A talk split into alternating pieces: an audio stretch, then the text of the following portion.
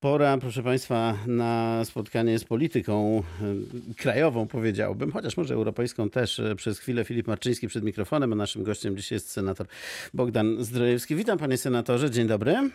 Dzień dobry panu, dzień dobry państwu. E, Proszę powiedzieć, jak pan ocenia ten nowy rząd? Rząd jest e, odchudzony, ma być sprawniej i taniej, jak e, słyszeliśmy dzisiaj. Chociaż taniej akurat w tej sytuacji to pewnie nieco, nieco mniejszy problem, ale sprawniej. Tak pan czuje, że będzie sprawniej? Kilka elementów jest rzeczywiście do takiej ewentualnej pozytywnej oceny. Myślę przede wszystkim o odchudzeniu rządu. Było to zapowiadane przez premiera kilkakrotnie, dopiero teraz się stało. Wydaje się też, że e, niektóre m, decyzje dotyczące bardziej takiego sprawnego podejmowania decyzji mogą rzeczywiście się sprawdzić, co oceniam natomiast negatywnie. E, No przede wszystkim bardzo skromny udział pań. Mamy tylko jedną kobietę, która jest e, e, w Ministerstwie Rodziny. Wszyscy pozostali to panowie. Tak jeszcze nie było od 1989 roku. No Jeżeli w społeczeństwie mamy 50% pań, to wydaje się, że to jest e, zbyt skromna reprezentacja i na to zwracam uwagę.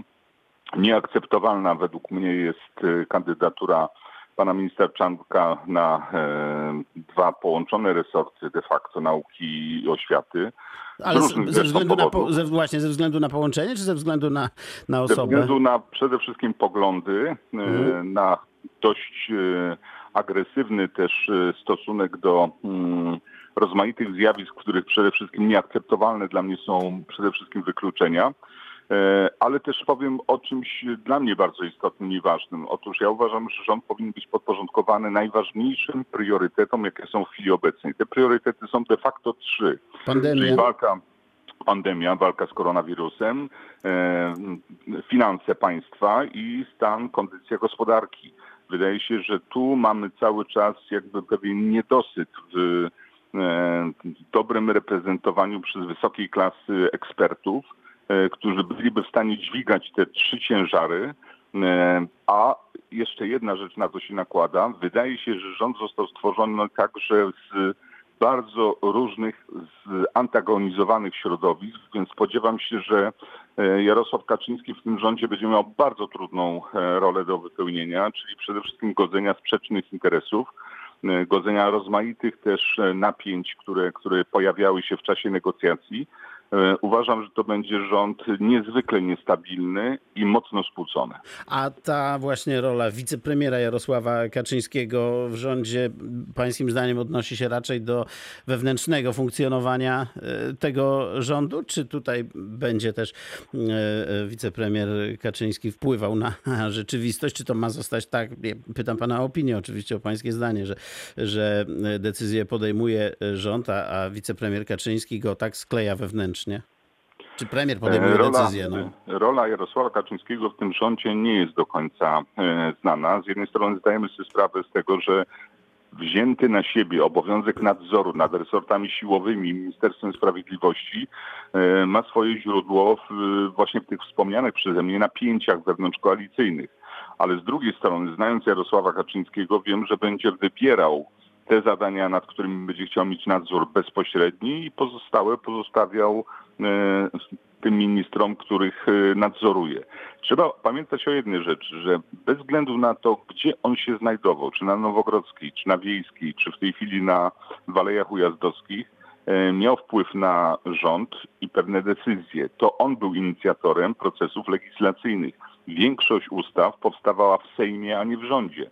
E, W związku z tym tu się wiele nie zmieni. Zmieni się natomiast e, forma uczestnictwa z punktu widzenia prawnego. To proszę powiedzieć, e, przejdźmy do Senatu na chwilę. E, Jakie pańskim zdaniem będą dalej losy tej ustawy dotyczącej zwierząt, tak, tej ustawy futerkowej, jak się e, mawia o niej? Bo wczoraj widziałem e, m, Władysława Kosiniaka-Kamysza, który manifestował wspólnie z rolnikami Agrounii na ulicach Warszawy i no, tak dość groźnie zapowiadał, że ta ustawa musi zostać odrzucona, bo jeśli nie, to trzeba będzie przemyśleć sprawy na przykład koalicji w Senacie. Polskie Stronnictwo Ludowe stanęło z rolnikami. Trudno się dziwić, że zajęło taką pozycję. To jest ich główna baza, elektorat, więc dla mnie nie ma tutaj żadnego zaskoczenia. Natomiast oczekiwania PSL-u są mi dosyć dobrze znane. Po pierwsze chcą wydłużenia czasu vacatio legis. Po drugie chcą doprowadzić do tego, aby hmm, nie ograniczać tak zwanego uboju rytualnego. No i po trzecie, aby e, rozmaitych, e, rozmaite podmioty proekologiczne, pro-animals e, nie wyposażać w nadmierne hmm, czy takie poszerzone kompetencje w zakresie wkraczania w różne sytuacje, które są hmm, z ich punktu widzenia nieakceptowalne. Natomiast od Czyli razu niech powiem, będzie że... jak było tak trochę, no. To ma pan rację. Natomiast y, jeżeli chodzi o y, Platformę Obywatelską czy Koalicję Obywatelską, my zdajemy sobie sprawę, że tak jak było, być dalej nie może. Co prawda z tej piątki dla zwierząt Kaczyńskiego zostały tylko trzy punkty, bo nie zlikwidowano y, tych wszystkich e, rzeczy, które są związane na przykład z utrzymywaniem e, piesków na uwięzi. Mhm. Prawo nie stało się bardziej klarowne, bo to, które zaproponował PiS jest mocno nieklarowne i będzie musiało mieć poważne korekty. Ale odpowiadając na Pana pytanie, od razu powiem tak.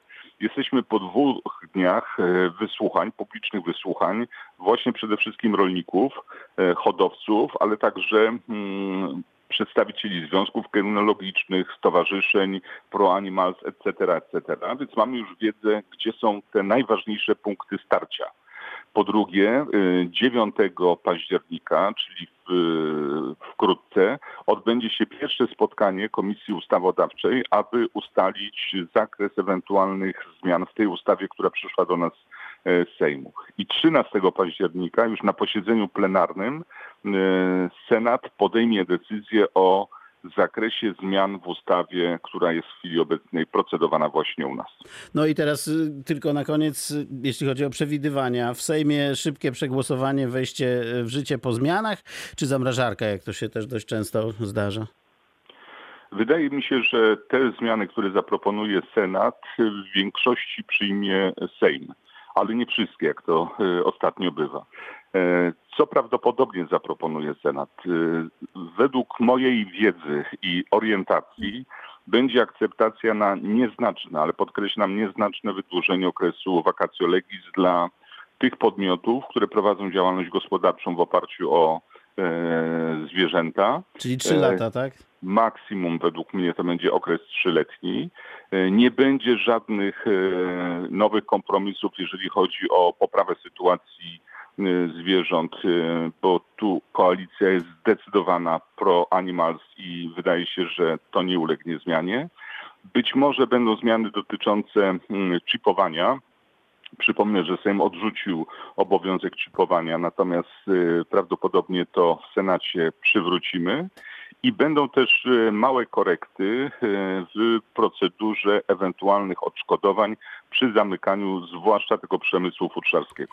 Rozumiem. To kolejna sprawa. Czy e, ma pan takie, no ze swojego punktu widzenia to rozumiem, że obawy, że Koalicja Obywatelska czy Platforma Obywatelska może się, że tak to nazwę, rozejść po nowych ugrupowaniach, bo tu mamy Hołownię, mamy Ruch Trzaskowskiego i mamy też we Wrocławiu Nową Nadzieję. No na razie raczkują Pytam pana o to, bo nierozerwalnie pewnie z polityką wrocławską jest y, pan e, związany. Dużo tego, jeśli chodzi o wybór, prawda? Jeżeli chodzi A o nowe wszystko podobne do ciebie, do siebie. O, zwrócił uwagę Pan na bardzo ważną kwestię. Z jednej strony ja się nie obawiam nowych inicjatyw. Uważam, że dobrze, że powstają.